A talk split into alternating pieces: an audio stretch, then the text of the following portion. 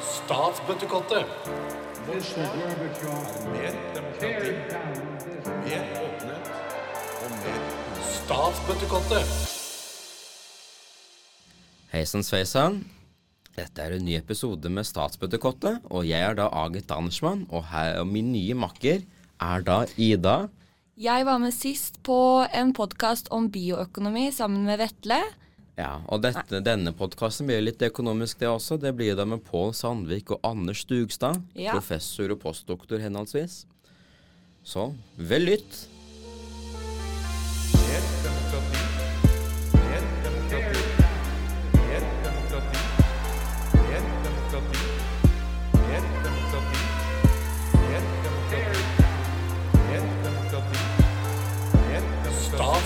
Mer Hei sann, hei sann. Dette er Statsbøttekottet, og i dag har vi faktisk to gjester med oss. Og dagens tema blir da ressursforvaltning i Norge i et historisk perspektiv. Eh, Vi har da med oss Pål Sandvik, professor, og postdoktor Andreas Dugstad. Eh, har dere lyst til å fortelle litt om deres yrkereise hit? Altså hvordan akkurat dere kom til NTNU og ble historikere osv.? Du kan gå først du, Pål. Ja, altså jeg har jo vært her lenge. Jeg tok mitt hovedfag, som det het den gangen, på eh, det som da var Universitetet i Trondheim. Og jeg har alltid, fra jeg var liten, vært veldig interessert i historie. Så det er ingen tilfeldighet at det ble historie, men det er litt tilfeldig at det ble økonomisk historie. Det kunne like gjerne vært middelalder eller eh, politisk historie eller noe nokså annet. Til meg er det litt det samme. Jeg begynte å studere historie mest fordi at det var et fag som jeg kun holdt på med mens jeg holdt på med, med andre ting også. Men jeg uh, syns det var veldig spennende, og um, som Pål så kunne det vært mange forskjellige typer historie. Men jeg kom over uh, økonomisk historie og tok det. Det var Pål som var, var veileder og tenkte her var interessant, det kunne jeg ikke så mye om fra før. Så um, og jeg tenkte at her var det også mer sikkert å gjøre. Så når jeg da skulle skrive mastergrad, så ble det, var det det som frista mest, da. Selv om jeg i utgangspunktet kanskje var mer interessert i sånne internasjonale relasjoner og litt, litt sånn der ting. Men det var så mange som holdt på med. Så um, Så du vil utpeke deg litt? ja. At det var på en måte det er mer ting du kan finne ut som ikke folk følger med på mens det skjer, da. Mhm. Egentlig. Så det, og så, ja, så eh, begynte jeg med det, og fortsatte med det, tok doktorgrad og har kommet tilbake hit. Mm. Ja. Eh, Da kan vi gå over til neste spørsmål, som er eh, hva tenker dere er en statsviters rolle i dag? Eller for å tilpasse spørsmålet litt, hva tenker dere er deres rolle i dag som historikere eller samfunnsvitere? Nei, altså en historikers rolle i dag, og er den den egentlig alltid bør være, mener jeg da, det er å forklare hvordan vi har kommet hit. Og eh, det er jo en ting som eh, mange har en formening om, og grunnen til at man har profesjonelle historikere, er jo egentlig fordi at man bør ha en forståelse av hvordan man har kommet hit som i så høy grad som mulig eh, er basert på virkeligheten. Da. Mhm. Det høres kanskje litt gammeldags ut å, å forklare det på den måten. Det er sikkert mange som har en annen forklaring enn det, men jeg mener at det er, bør være en historikers rolle, så det, det står jeg for. Og du da, Pål? Jeg syns det var et ypperlig svar. Men man kan jo også legge til her at eh, de vestlige samfunn har fra veldig langt tilbake vært historisk orientert. Altså vår eh, religion, altså kristendommen, også jødedommen, er jo egentlig en historiefortelling. Så det er noe med den vestlige måten å tenke på, det er å tenke historisk. Så til et, på en måte et klassisk spørsmål vi alltid har i podkasten vår, til dere begge, da, og det er hvis du er plassert på en øde øy og det ingen muligheter for å rømme fra øyen, eh, hvilken statsleder, død eller levende, hadde dere hatt med som eh, på en måte partner? Har du lyst til å gå først, Pål, eller skal jeg Ja, altså jeg lurer på om, om jeg ville ha valgt Johan eh, Nygaardsvold, eh, norsk eh, statsminister fra 1935 og frem til 1945. Eh, Egentlig av to grunner. Altså, for det første virker Nygaardsvold som en, en hyggelig mann. og, og det kan man ikke si om alle politikere. For det andre så er han også en veldig interessant skikkelse som sosial reformator. Og, eh, og som en mann som drev gjennom mange viktige velferdsreformer i Norge, også leder i krigstid. Mm. Ja, jeg tror jeg hengte meg litt opp i det der med øde øy. Og begynte å gruble på hvilke statsleder kan være gunstig å ha på en øde øy. Og der er det jo, tenker jeg jo at det er ganske få. Man blir jo ikke gjerne statsleder fordi at man er, er god til å klare seg i naturen. Så jeg landa på, på Tekomse, eh, han som var han som Shawnee eh, høvding, og, og um, hadde på en måte den, et av de sånn um, Han har glemt hva den krigen heter, men en stor uh, krig mot, uh, mot uh, USA helt i starten av dens eksistens. Og slåss vel også var alliert med britene i, i, i, The War of 1812. Um, så jeg tenker at han var i hvert fall god til å klare seg i naturen. Jeg tror han snakka engelsk òg, så da kan vi jo kommunisere litt jeg er ikke sikker på om han som Johan Nygaardsvold nødvendigvis var så hyggelig, men på en måte hvis jeg kommer levende fra øya så, og på en måte har noen interessante historier å fortelle, så er det kanskje verdt det. Ja. Det er bra at dette ikke er et reelt spørsmål, da. Nei, gud, nei. Skal vi bare gå over til Ja. Utgangspunktet til podkasten var jo jeg ser at samarbeider på en, artik eller en kapittel i et verk da, om ressursforbannelsen av Norge i et historisk perspektiv fra 1900. Og vi har jo hatt om ressursforbannelse før og ressursforvaltning.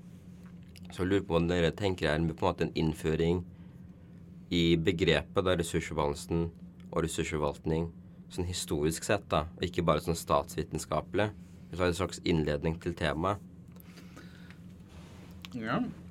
Altså ressursforbannelse um, Hvis vi går forbi selve ordet ressursforbannelse, så er konseptet gammelt. Altså Det er noen ting jeg messa rundt med på 1700-tallet og sånne ting. og eh, briter som prøvde å forklare hvorfor Spania hadde gjort det så dårlig når de hadde fått masse gull i Amerika og, og sånne ting. Så det er mange av de samme ideene om at på en måte mineralrikdom skaper latskap og eh, dårlig eh, forvaltning av, eh, av eh, statsapparatet og, og, sånne ting. Men skal si at historisk sett så har det vært en, en rekke ulike ideer om hvordan avhengighet av naturressurser eh, av verdifulle naturressurser skal på en måte skape negative konsekvenser for samfunnet som helhet. Og hvis man snakker om 1900-tallet, så er det det mest påfallende er jo det at i mesteparten av det sammen snakka om at naturressurser Hvis man er avhengig av eksport av naturressurser, så um, er hovedproblemet at man får for lite igjen for det. Altså det er andre deler av økonomien som er, er, mer, er mer lønnsomme. Og man havner i en sånn der avhengighetsmodell. Altså at de som eksporterer naturressurser og kjøper industrivarer, de på en måte får eh, De har en dårligere stilling, da. Og så endra det egentlig det her seg etter, etter 1970-tallet med, med, oljekrisen. Og man fikk massevis av olje, oljerike land som allikevel også fikk problemer. Og det er på en måte etterdønninga av det man har på en måte det hele spørsmålet om resource curse og sånne ting kom opp igjen. Og det egentlig mer ligna på den gamle debatten om, om, eh, om uh, spansk gull. Um, så, så, man har på en måte gått fra en forståelse om at hovedproblemet med naturressurser er at man får for lite, til at hovedproblemet med naturressurser er at man får for mye for det. Så um, nå skal det jo sies da at, uh, at altså utfordringene internasjonalt i dag, så, så um, er man egentlig litt tilbake igjen til på en måte um, avhengighetsbegrepene. Både for så vidt for industriland, men også for, for eksportørene. Det er en, uh, Russland har jo f.eks. hatt en, hvert fall en selvforståelse om at de ikke bare er et naturressurseksporterende land. De er på en måte et fullverdig industriland, og det har de på en måte ikke egentlig helt lykka å være. Så på en måte de gamle modellene for hvordan man tenker at naturressurser er en utfordring, de, de lever for så vidt fortsatt på en måte utenfor den forståelsen av, eh, av den liksom resource curse-debatten. da. Så historisk sett så er, er for å oppsummere, så er ressursforbannelse større enn det statsvitenskapelige. da. Mm. Da går vi over til neste spørsmål. Vi har jo vært eh, litt inne på det nå. Men hvis vi skal ta Norge, eh, hvordan har reguleringen av naturressursene foregått her, hvis dere skal beskrive utviklingen i grove trekk? Det har endra seg veldig over tid. Og hvis vi går tilbake til 1800-tallet, så var det i hvert fall etter 1860, så var det primært markedsbasert. Og um, eier kunne gjøre stort sett det han eller hun ønska med en naturressurs, og selge produktene til de de ville, og, og, um, og også eiendommen til de de ville. Der kom det første bruddpunktet med de såkalte konsesjonslovene som ble vedtatt mellom 1906 og 1917, som hadde um, to hovedformål. Det ene var å sikre nasjonalt eierskap. Altså at de, de burde i størst mulig utstrekning bli eid av nordmenn. Der var det mulig å gjøre unntak. Men, men en nasjonal profil. Og den andre var at eh, naturressursene skulle komme så store deler av befolkningen til gode. Der tenkte man litt forskjellig ut fra hvilke type naturressurser det var snakk om. Altså eh, mye strengere politikk med skog, som man tenkte at helst burde bli eid av lokalbefolkninga i den aktuelle kommunen. Mens for bergverk så var det mer liberalt. Der tenkte man at man hadde behov for internasjonale investorer. Så det ble tilpassa den, den, aktuelle naturressursen. Man tenkte også man fikk Fiskeria ble ikke omfattet av konsesjonsloven, men også en tilsvarende tankegang der, at det skulle komme befolkningen til gode. Og man begynte med, med eh, en norsk økonomisk sone, altså i første omgang fire nautiske mil, men innenfor det området så skulle fisken tilgodeses nordmenn, og da primært til, til de som drev med ikke trålere, men med småskala virksomhet. Så naturressursene skulle komme befolkningen til gode.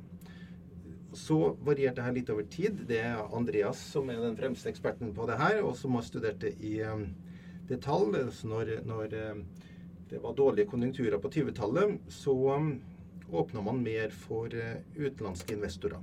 Så det varierte over tid. Men, men de grunnprinsippene kan man si lå der når man fant olje i Nordsjøen. Og um, igjen, norsk oljepolitikk har variert nokså kraftig over tid, men det man kan si er et bærende prinsipp er at man har tenkt at denne ressursen skulle komme det norske samfunn som helhet til gode. Og måten det skulle komme samfunnet til gode, og eierskapspolitikken har variert. Men, men, men stort sett høy skattlegging og et ønske om så stort nasjonalt eierskap som mulig, i hvert fall frem til man inngikk EØS-avtalen på 90-tallet.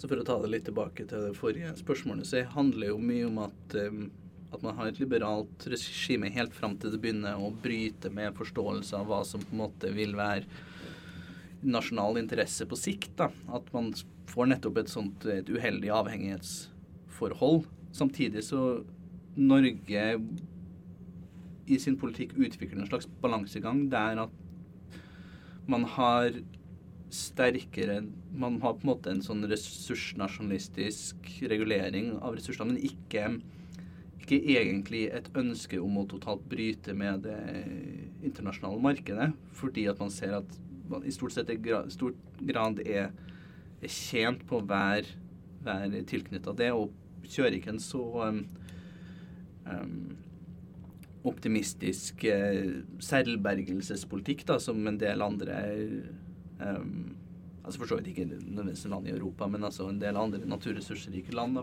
forsøker seg på i løpet av, eh, av 1900-tallet. Så, så um, jeg tror det oppsummerte litt som at altså, i Norge prøver man tidlig å få et slags statsregulert kompromiss i møte med, med internasjonal globalisering. da økonomisk globalisering. Og det, er, og det har blitt justert etter hvert, men, men, mye av de samme grunntankene ligger der egentlig hele tida. til det med i dag, da, eh, er det noe som kjennetegner noe spesielt med Norden? Eller kan man se at Nord Norden har en egen økonomisk modell i akkurat dette her, eller eh, Du tenker generelt eller for naturressurser? naturressurser? Ja, så nå er jo naturressursgrunnlaget såpass ulikt i Norden. Altså Historisk sett er det jo ganske mange likheter. Men um, Og det er noen likheter i dag òg. F.eks. så er Sammenligna internasjonalt så er f.eks. nordisk skogeierskap, altså privat skogeierskap, er veldig desentralisert. Veldig mange skogeiere sammenligna med, med mange og, og veldig stor andel av skog er i privat eie. Eh, som på en måte eh, stammer litt fra den gamle tankegangen om at måte, skal, man skal ha desentralisert eierskap, og, og ressurser skal eies lokalt, og man har- ikke lyst til å ha for store eh, eierkons- eh, eierkonsentrasjoner i, i ressurser som mange har eh, mange kan benytte seg av. Da. Men eh. Altså det med skog, det har vært en kontinuitet, da. Det er sånn, det skal være opp til de lokale myndighetene, eller? Altså det ble, in, det ble egentlig praksis introdusert de første to årtiene på 1900-tallet, og så har det holdt seg litt sånn siden da. Mm. Eh, med noen justeringer både i Norge og Finland. Og, altså I Danmark er det jo ikke nødvendigvis sånn. Jeg vet ikke hvordan det egentlig fungerer i Danmark, for å være helt ærlig, men de har ikke så mye skog å snakke om, så jeg vet ikke om det spiller så mye rolle. Eh, Men jeg tror vel en, en felles nordisk linje i at man har ønska at naturressursene skal komme en så stor del av befolkningen til gode som mulig. mm, Og, men måten man har gått frem for å sikre det, har vært ulik. Og da kan man bruke Island og Norge som eksempler når det gjelder fiskeri. Hvor Norge, for Norges del, så har fisken alltid vært viktig, men den har ikke vært en dominerende næring. Så i Norge så har man i mye større grad tilgodesett kystflåten, altså de med små båter. Ehm, For å sikre bosetting og, og ehm, sysselsetting i næringsfattige strøk. Island har nå nesten bare fisken. Så de har tenkt at det her må lønne seg så mye som mulig. Så de har valgt fra mellomkrigstida av å satse på trålere, stordrift. Og um, de små har vært så å si utradert, mens eh, det har vært noen få rederier som har dominert næringen. Skapt stor velstand blant enkeltmennesker, men, um, men også skapt et overskudd som man kunne ha bygd en islandsk velferdsstat på. Så fremgangsmåten er annerledes, og utfallet til dels også forskjellig. Men, men det ligger en I begge tilfeller så ligger det en fellesskapslogikk i bunnen. Ja. Den er alltid der, på en måte. Ja. Um, så et spørsmål til Per, fordi jeg har jo gjort, prøvd å gjøre litt eh, research, da. Uh, hva legger du i uttrykket 'demokratiseringen av økonomien'? det, med det mener jeg, og det er egentlig Francis Sejersted sitt eh, begrep altså Han, han lanserte det han kalte demokratisk kapitalisme. Og eh, det den nå avdøde historiker Francis Sejersted men med det var at man i Norge hadde brukt demokratiet til å påvirke spillereglene i økonomien. Og eh, det gjør man for så vidt også i andre land, men det Francis Sejersted mente var spesielt sterkt i Norge, var at man også hadde normer for at samfunnet burde være egalitært, altså relativt jevnbyrdig, og at man brukte eh, den politiske kanal for å sikre det. Eh, og det finner man til en viss grad også i andre land, men, men hans tese, som eh, langt på vei slutter meg til, var at det var spesielt kraftig i Norge. Har man sånne konkrete eksempler på dette her? Ja, altså her kan vi jo da bruke fiskeripolitikken da, som et eksempel, som allerede nevnt. Skogpolitikken med at man begunstiger lokalt eierskap. Um, men det her varierer også over tid. Altså En av de viktige ting for eh, sosialdemokratiet da de fikk politisk makt, var jo også å, å bruke den politiske makt til å sikre folk eh, rimelige boliger. Altså da, da man fikk Husbanken og alt det her. Eh, kooperativ boligbygging. Og um, som man brukte store ressurser på i etterkrigstida. Og før man det hele ble deregulert på 1980-tallet. Og man fikk et mer markedsbasert boligsystem. Så det skandinaviske systemet det er ikke stabilt. Det endrer seg over tid. Og, og, um, og i enkelte tidsrom så har man satsa mer på det egalitære. På det andre tidspunkt så satser man mer på det økonomisk effektive. Så, um, så det er ikke noe sånn um, skandinavisk urform. Men jeg tror tross alt, også i den mer markedsliberale epoken fra 1980-tallet, så har det egalitære stått sterkere i Norden enn de fleste andre steder i, i verden. Mm. Eh, med globaliseringen, da, som kom Som faktisk ble et kjent fenomen på utover 80-tallet, da. At man måtte ta mer hensyn til eh, hva som er tilbud og etterspørsel internasjonalt. Men på tross av det så har Norden fortsatt holdt seg ganske egalitært, som du sier. Mm. Um, ser man på en måte at disse to hensynene, det globale versus demokratiske og lokale, har gått i clash, eller er det Har Norge vært heldig og på en måte greid å tatt begge hens, hensynene? Eller sjonglert greid å sjonglere begge hensynene? Altså, jeg vil jo si at det mm, går i clash i støtte og stadighet, og det har det gjort egentlig hele tida. Og det er jo litt av mitt poeng med at uh, Jeg vil si at man i Norge og ja, Norden for øvrig har i større grad greid å på en måte mm, ha et bredt nasjonalt kompromiss i møte med globaliseringa, nettopp fordi at det stort sett alltid har vært såpass utadvendt også. Helt fra jeg håper å si, helt fra Pauls tid. Så og da mener jeg Pauls sitt forskningstid, altså tida han forsker på, ikke, ikke hans Si ikke at du er så gammel, Pål. Um, men eh, eh, så har, har, Norge og Skandinavia vært svært utadvendt. Hatt ha, høy andel av, eh, av økonomisk aktivitet har vært retta mot eksport. Og da er man nødt til å forholde seg til, til utlandet. Men man har på en måte ikke For det første så har man ikke fått de på en måte voldsomme svingingene fra den ene modellen til den andre. Den har på en måte Endringene har vært på en måte Ja pragmatiske stort sett. Og, um, og nettopp det Pål snakker om, på en måte noen av de der eh, demokratiske grunntankene har på en måte alltid ligget der i grunn. Så, um, så det har nok også gjort det lettere å holde Norge og Skandinavia så utovervendt som det har vært, fordi at det virker ikke i like stor grad som en trussel da, mot um, fordelinga innad i samfunnet. Og så har det vel hatt noe å si at vi har ikke eh, Eller det har vært kan, kanskje ganske sånn 50-50, da. Men at vi er jo ikke en del av EU.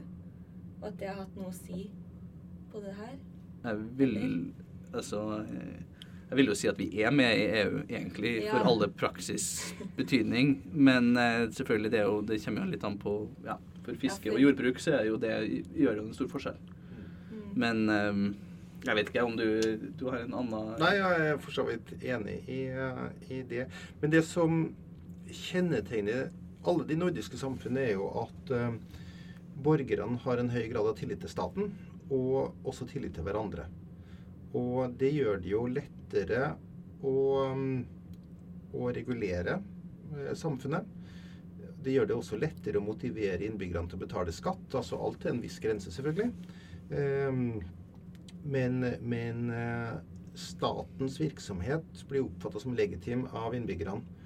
Og dermed også beskatning og, og, eh, og, bruken av skattepenger til velferdsformål.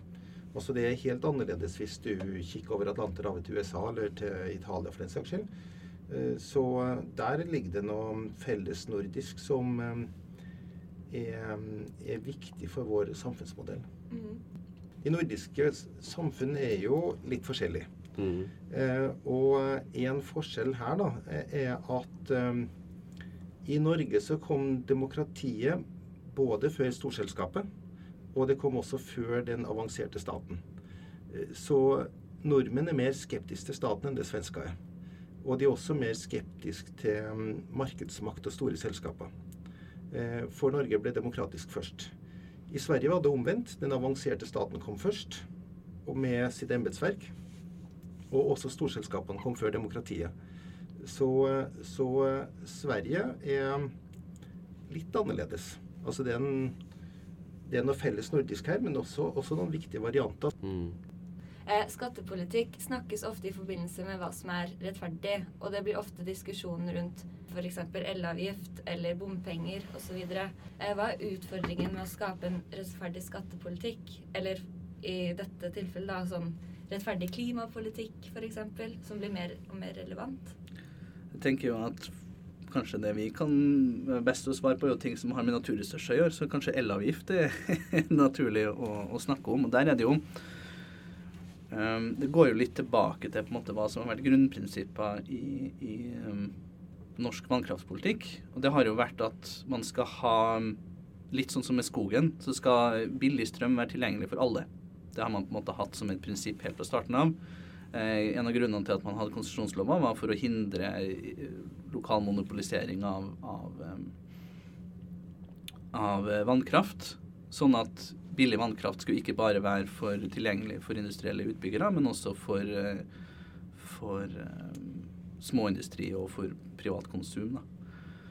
Og når For å gå tilbake til det at man møter, man møter en, en annen internasjonal verden, der, der um, I det at måtte, Norge har knytta seg til, til, til et internasjonalt strømmarked, der prisene er noe helt annerledes, så blir det her um, satt på prøve.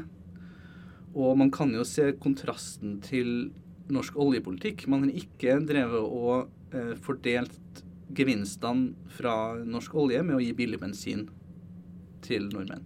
Det har de gjort i andre land. Venezuela f.eks. er jo en av de få tingene som folk i Venezuela har, er bensin. Uh, men det er jo også i Midtøsten altså Jeg har ikke helt oversikt, men det er jo flere land i Midtøsten som har akkurat samme greia. Um, så det er litt sånn at her møter man to forskjellige måter å fordele godene på. Og nettopp fordi at man, man har hatt en, en, en politikk der, der det er strømmen som skal være tilgjengelig for alle, snarere enn gevinsten fra strømmen, så får man på en måte et, et, et krasj her, da. Um, så Men um, det å skape noen ting som føles rettferdig, det er jo Da er vi tilbake til det som går på tillit til staten. Og, um, og, og jeg tror jo for så vidt at det er lettere i Norge og at man har en forståelse for at de, de inntektene man får inn fra, fra, økt strømpris faktisk kommer fellesskapet til gode, er lettere i Norge enn andre steder. Men selv her òg blir det på en måte fordi at det kommer så brått på, det kommer så plutselig, så, så blir, det her, blir det her veldig vanskelig. Og ja.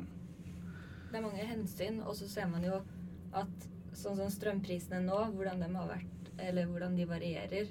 Om du bor eh, ja, i sør eller i, her i Trøndelag, da, så er det jo forskjell. Ganske stor forskjell. Skjønner jo at man kan bli frustrert over det hvis det i prinsippet skal være sånn at det skal ikke være så stor forskjell, da, basert på hvor du bor. Men det Nei, det det er jo akkurat det. det. Her er det jo på en måte en de, de på en måte gamle grunnprinsippene om rettferdighet i, i strømpolitikken som møter utfordringene i det det skal på en måte prøves Altså da man har på en måte forsøkt å, å markedseffektivisere det. Så, så eh, på sikt må det jo komme et, antagelig et nytt kompromiss der også. Uh, uten at jeg skal si akkurat hva det vil, vil uh, se ut som. Men der tror jeg det også det er veldig mye lettere i den forstand at fordi at uh, strømproduksjonen i Norge er stort sett fullstendig offentlig eid, så til syvende og sist så er jo det penger som i stor grad blir fanga opp av det offentlige, og som kan fordeles igjen. Så eh, så eh, om det bør, bør på en måte Man bør skape en ny modell som subsidierer privat strømforbruk, eller om på en måte det blir fordelt på en Det at gevinstene fra det blir, blir fordelt utover på andre velferdsgoder, det, det tør jeg ikke si. Men, men man har i hvert fall man har i hvert fall redskapene til å, å kunne skape nytt kompromiss. da, og det, Der har Norge en fordel, i motsetning til en del eh, andre land, vil jeg si. Men hva tror du, Pål? Ja, altså, hvis, altså Et grunnproblem i all politikk er jo hvem skal betale. Og, og for hva.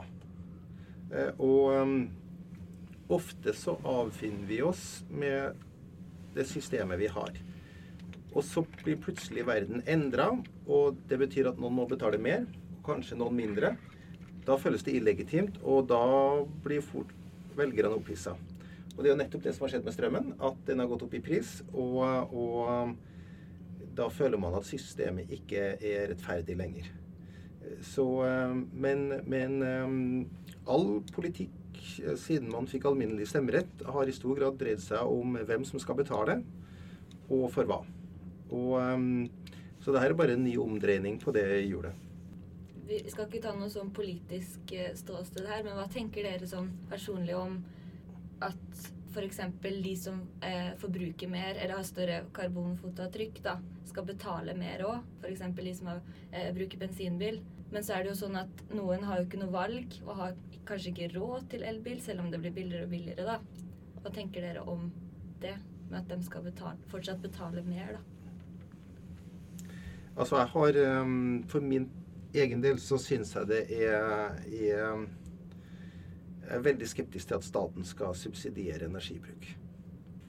Der eh, vil jeg også si meg enig, uten at man skal på en måte gå veldig dypt inn i det politiske. Så nei, altså um, Så jeg er helt enig i at jeg tror ikke det er noen god idé å subsidiere eh, energibruk. Og det er jo en utfordring med, med subsidiering av elbiler at det subsidierer jo én type erstatning av privatbilisme imot Altså um, Som kanskje har en hensikt, men, uh, men uh, man fanger seg jo i en, en annen type og, og, og, skal på en måte få ned karbonforbruk som kanskje ikke er den mest effektive. Så ja, det kan vi snakke veldig, veldig masse om, og det er litt utenfor hva vi egentlig har noe god, eh, god greie på. Men eh, jeg tenker jo det at der må jo Her òg er det jo på en måte et samfunn som en helhet, så må det være en, en eh, Det må være basert på Det er forskjell på å på, rett og slett på hva for noen type aktivitet man holder på med. Eh, med på en måte hvor mye trenger man å bruke energi, hvor mye trenger man å bruke karbonbasert energi. Så, så det må jo det må til syvende og sist ta visst hensyn til det. Men, eh, men, man skal vokse seg vel for å på en måte skape nye mm, insentivstrukturer som man da må på en måte prøve å roe seg ut på et senere tidspunkt. Da. Så det, det der er ikke bare lett. Nå, Vi har jo snakket om både tillit, demokratisering, demokratisk kapitalisme osv. Og, så og angående Norge spesielt, da. Men Norge er jo på en måte et veldig oljerikt land. Ikke like oljerikt som så som Saudi-Arabia, da, men det er jo på en måte Man skulle tro at det som har vært ressursforbannelsene for midtøstlige land med oljevelstand, skulle kanskje inntruffet Norge, men eller er vi et, bare et særskilt unntak, eller er det hva tenker dere om akkurat det? Nå har jeg ikke tallene i hodet, men altså eh, Norge har jo mer, har vel mer penger på bok fra oljevirksomhet enn det Saudi-Arabia har. Og definitivt per hode. Så, eh, så um, Selvfølgelig, nå har jo Saudi-Arabia mye større oljereserver, men, um, men det er vel ikke, altså rent velstandsmessig så er det jo ikke egentlig noe, noe, noe avgjørende forskjell. Altså hvorfor Norge skulle vært det. Det er jo ikke fordi at vi har lite olje at vi ikke har blitt så um, resource cursed, da.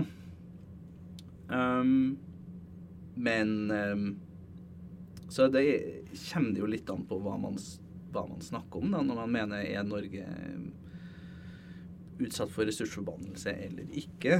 Altså, det har jo definitivt ikke blitt det i den, den grad eh, Venezuela har blitt det. Men um, jeg tror ikke man skal konkludere på hvorvidt Norge har blitt ressursforbanna før man har kommet seg ut av oljealderen. Det, den omstillinga der har man ikke begynt ennå, og den, hvordan det skal gå, og hvordan det kommer til å virke, det, det er en lang og vanskelig vei. Og um, jeg vil si at Norge står sterkere rusta til å kunne klare den omstillinga enn en del andre land, men det betyr ikke at det kommer til å være lett for det. Nei, fordi eh, hvis vi skulle ha erstatta alt det vi eh, Eller nå snakkes det litt om sånn Eller jeg har hørt det begrepet den blå oljen, som da er vannkraft. Eh, hvordan tror dere eh, Sånn når Norge skal passe ut olje, hvordan blir denne overgangen, tenker dere da? Og kan det være sånn at tilliten til demokratiet faller veldig hvis det blir for brå endringer, eller Ja, jeg vet ikke helt hvordan jeg skal si det.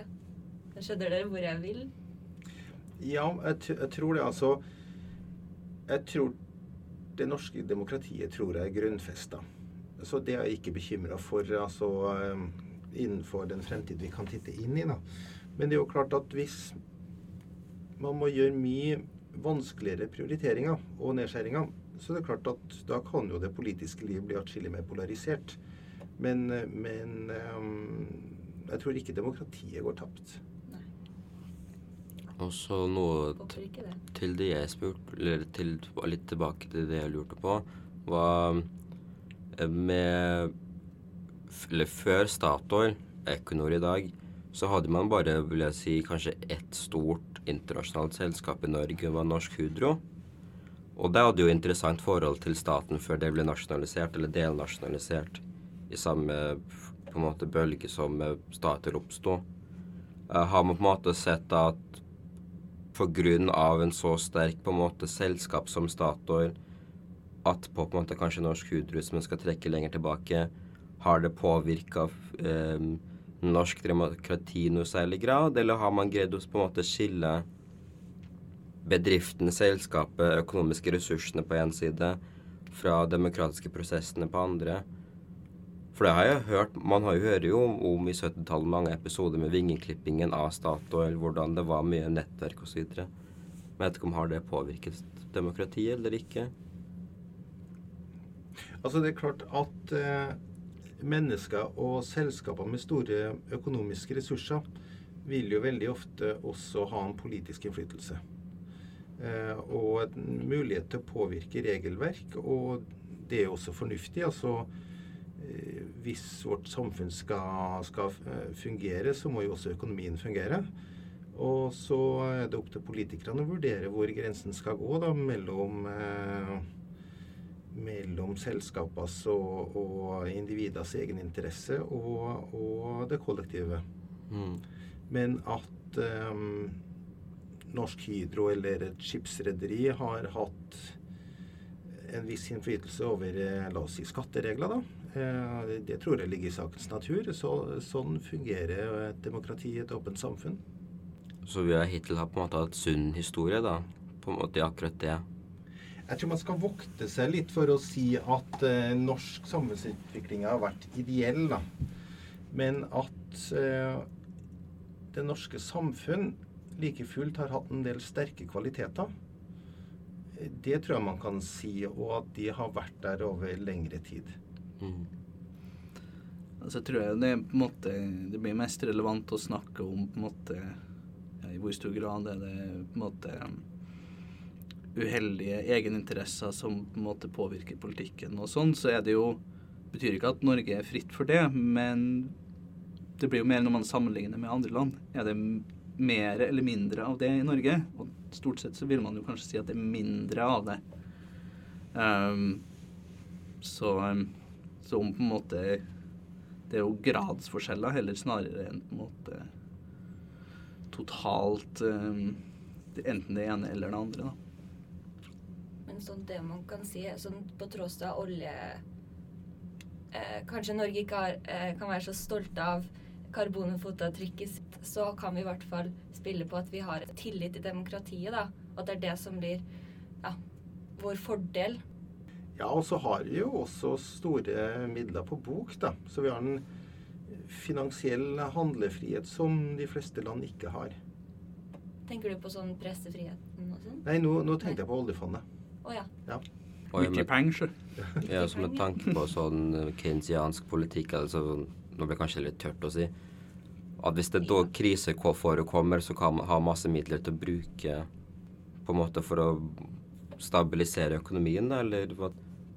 Ja, vi får se hva, det, hva som skjer med oljefondet hvis det plutselig begynner å knipe. Og det plutselig noen som finner ut at det blir eh, konfiskert for, eh, av eh, hvor det kommer fra. Altså ikke mener jeg at det er fordi at det kommer fra Norge, men fordi at det kommer fra oljevirksomhet. Så eh, ja. Men det blir jo her eh, vill eh, fremtidsspåing her. Så, så i utgangspunktet så er jeg for så vidt enig med, med Pål. At det der har man en helt annen Så blir det jo litt sånn der at um, Ja, man kan jo moralisere om på en måte Man bør ikke være så stolt over oljen, men det er på en måte Om på en måte Norge har produsert olje eller bare forbrukt olje som andre land, så er det litt sånn Ja. Vi har fortsatt en mulighet til å vise at, eh, ja, at det kan bli bedre, da. Heldigvis. Ja, ja, de- definitivt. Altså, og jeg mener jo det at, at Altså, det viktigste er jo hva man gjør i fremtida. Og eh, Eller stort sett bare det vi kan påvirke også. ja, altså, jeg sier ikke det. Vi kan jo, eh, kan jo skrive om historien, da, og late som den var annerledes. Nei da, men, eh, men at én ting er på en måte at hva man sier, liksom Altså hvis man har for sånn synde eh, tilnærming til historien, så, så eh, Ja, jeg vet ikke om det er helt heldig. Det viktigste er på en måte eh, hva man, hva man eh, hva man velger å gjøre i, i framtida. Da vil, vil jo selvfølgelig at historie skal være veldig viktig, men man må på en måte ikke ta det altfor alt for alvorlig heller. Nei. Det er lett å bli fort negativ også, vet du. Det er akkurat det. Eh, hvis vi eh, tar utgangspunkt i det der med at naturen skal være Den er for alle. Eh, men hvordan har disse rettighetene vært for urbefolkningen fra tid til annen, og hvordan er det i dag? Ja, altså em, Historisk sett så har jo ikke naturen vært for alle. Det har vært eh, noen som har hatt større rettigheter enn andre. Em, så em, i Norge så har riktignok man hatt fri tilgang til naturen. altså Magnus Lagabøtes landslov fra 1274. eh, Den hadde allmenningsretten Nei, hva heter det? All, allemannsretten. At alle har lov til å gå i utmark. Sånn var det ikke i Storbritannia. Og i mange samfunn så er det ikke nødvendigvis lov til å gå på annenmanns eiendom. Det er vel omtrent bare i Skandinavia det er sånn, er det ikke det? Ja. Så eh, i den forstand så er naturen for alle i, eh, i Norge, men samtidig fra La oss si fra rundt 1700 oppover, så ble formelle eiendomsrettigheter stadig viktigere. Så den som eide et stykke land, hadde også rett til å utnytte naturressursene der. Og eh, samene, i likhet med de aller fleste urfolk, har mer hatt tradisjonelle bruksrettigheter. Altså de har brukt land, men ikke hatt noen formell eiendomsrett. Så etter hvert som den formelle eiendomsretten ble viktigere, så, um, så kom deres bruksrettigheter, altså eh, med reindrift, altså beiterettigheter, det kom under stadig sterkere press. Og fra slutten av 1800-tallet også gjennom lovgivning, altså at Stortinget eh, vedtok lover som favoriserte bønder i fjellet eh, fremfor den samiske befolkning. Man hadde litt tilsvarende utvikling også i Sverige. Og så har det i den helt senere tid, da, altså la oss si de eh, siste 50 år, kommet en motreaksjon som har, um, har gitt de samiske interessene større vern. Ja. Det er noe, ja, man ser jo i hvert fall at utviklingen har gått At det har blitt bedre og bedre, da. Mm. Men eh, sånn eh, Skal ikke gå for mye i dybden på det her, men det var en sånn sak om at det skal Nå skal det bygge Jeg husker ikke helt hvor det var, men sånn skianlegg eh, over et sånt område hvor det beiter mange rein, rein da. Eh, så man ser jo at eh, selv om ja, vi skal ta hensyn til alle nå, og at eh, demokratiet skal være bedre enn, bedre enn det var før, så ser man jo at det er ikke sånn at det bare er lett heller. At prioriteringene dem er litt, fortsatt litt sånn å tenke mest på staten, da, på en måte. og Nei, man er en, man er i en veldig spesiell situasjon fordi at man har uh, tatt en del av et uh, Altså et eh, Åh, hva heter det nå? Det her burde jo vi vite, men eh, nå husker jeg ikke. Det Altså, den, den internasjonale um, urfolksrettighet, altså den ble fra ILO 169 fra 1918, nei, nei, 1989, og så ble det en FN-resolusjon om urfolksrettigheter i 2007, er det det? Husker du det, Pål? Nei, det, Det, det er noe sånt, i hvert fall. Men det er jo det som er, er ligger grunnlaget for, eh, for eh, striden om, om vindmøllene på Fosen. Og man er jo i en situasjon der øh, rett og slett øh, rettighetene er uavklart. Da. Altså, hva er rettighetene til, til norske urfolk? Altså, hva, og hvor, hvor på en måte går grensene der mellom det og det som har tradisjonelt vært rettigheter til, til, eh, til eh, ja, formelle eiendomsbesittere og den norske stat? Ja, Og det er rett og slett et uavklart spørsmål. Og, um, og det er et spørsmål man står overfor i veldig mange land som har hatt en del lignende utfordringer. Og akkurat hvor det der kommer til å bære, og hvor det bør bære, er, vil jeg si at det er litt uh, Ja. uavklart. Ja, og, det, og det er også et, et stort spørsmål både for eh, for eh, samer som driver med reindrift, men også for storsamfunnet. Altså, jeg har sett tall, og dem kan jeg ikke gå god for, men at 40% av norsk utmark eh, har blitt brukt til eh, reindrift. Eh, og det er klart at eh, det kommer jo fort i konflikt med ikke bare vannkraftutbygging og vindmøller, men også hyttebygging, og du nevnte skianlegg. Ikke sant? Det, det er et, eh, rett og slett et stort spørsmål. Ja, det er det. Og så er det sånn rettigheter er ganske lett å bli enige om i, på papiret, men det, det er noe helt annet i virkeligheten, da. Nei, egentlig bare for å konkludere, så, så syns jeg det er utfallet av høyesterettighetsdommen på om, eh, om Fosen-vindmøllene viser at den norske staten har ikke tatt inn over seg hva de har, eh, hva de har skrevet under på. Nei. Rett og slett. Uh, og det er litt en sånn der benektelsesfase. Så, så nei, det, for oss som er interessert i naturressursreguleringa, så er det, det er en spennende tid. Skal vi ta siste spørsmål, da? Ja, hva slags faktorer tror, tror dere blir mer relevant da, for fremtidig ressursfordeling i Norge? Der vil jeg egentlig bare svare det samme som det har vært. Det må være brede kompromiss. Det må være en idé om at det skal komme eh, hele samfunnet til gode. Og der kan man jo si at å, er det er på en måte et, eh, nødvendigvis et brudd mellom nasjonale og globale interesser. Det kan det jo for så vidt være, men jeg håper å si hvis eh, For å ta tilbake til klimaendringer sånn, det er jo ikke Det går dårlig for Norge hvis det går dårlig for resten av verden òg, så, så Ja. Dårlig med norske Mars-kolonier enda, i hvert fall. ja det er et godt poeng. Nei, jeg vet ikke, Hva tenker du, Pål? Det er godt svart. Ja, det var en eh, veldig interessant podkast. Ja. interessant på en måte annerledes vinkling fra det vi har hatt om på en måte i statsvitenskap. Mye mer konkret. Jeg har også har ikke så mye teoretisering her. Det er vi ikke så gode på. I statsvitenskap er jo nesten bare teoretiseringer. På bekostning av det historiske oftest, men det skal ikke jeg gå inn på. Uh, nei, er det noe mer? Eller? Er det noe vi burde ha spurt om? For det her kan ikke vi. Dette er utenfor vårt felt. Nei Nei, ikke som egentlig Vi får snakke masse om eh, Norden og naturressurser. Det er stas. Det kan vi gjøre eh, helt til, til sola går ned og Ja. Dovre faller. Og, Mm. ja. Ja. Men da er det jo bare å takke for at dere kunne komme. Takk for at vi fikk komme. Takk for at vi fikk komme. Ja. Yes. Så eh, lykke til videre. Takk.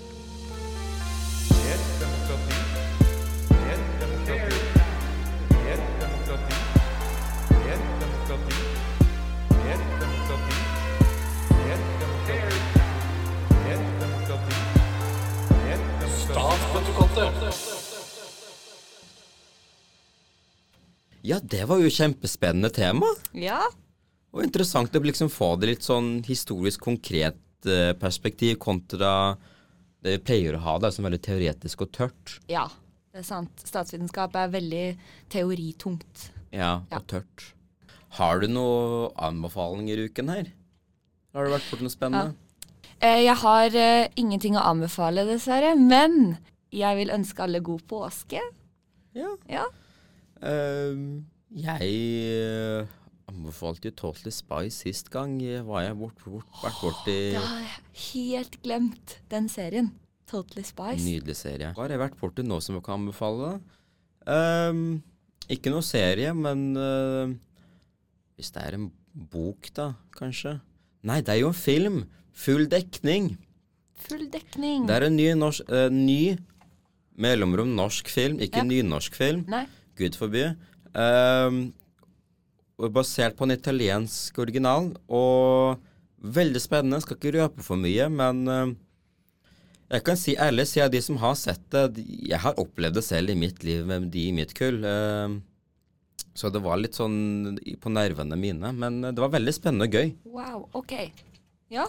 Ja. Men uh, vil du si Jeg har jo ikke noe Har ikke hørt om det engang. Hva handler det om? Hvis du ikke skal spoile for mye, da. Ja, Utgangspunktet er jo da at du, du har gamle bekjente som møtes på, eh, på middag. Det er sånn tre og en halv par, altså to og to og så en som ikke har par. da. Ja, det er meg, det.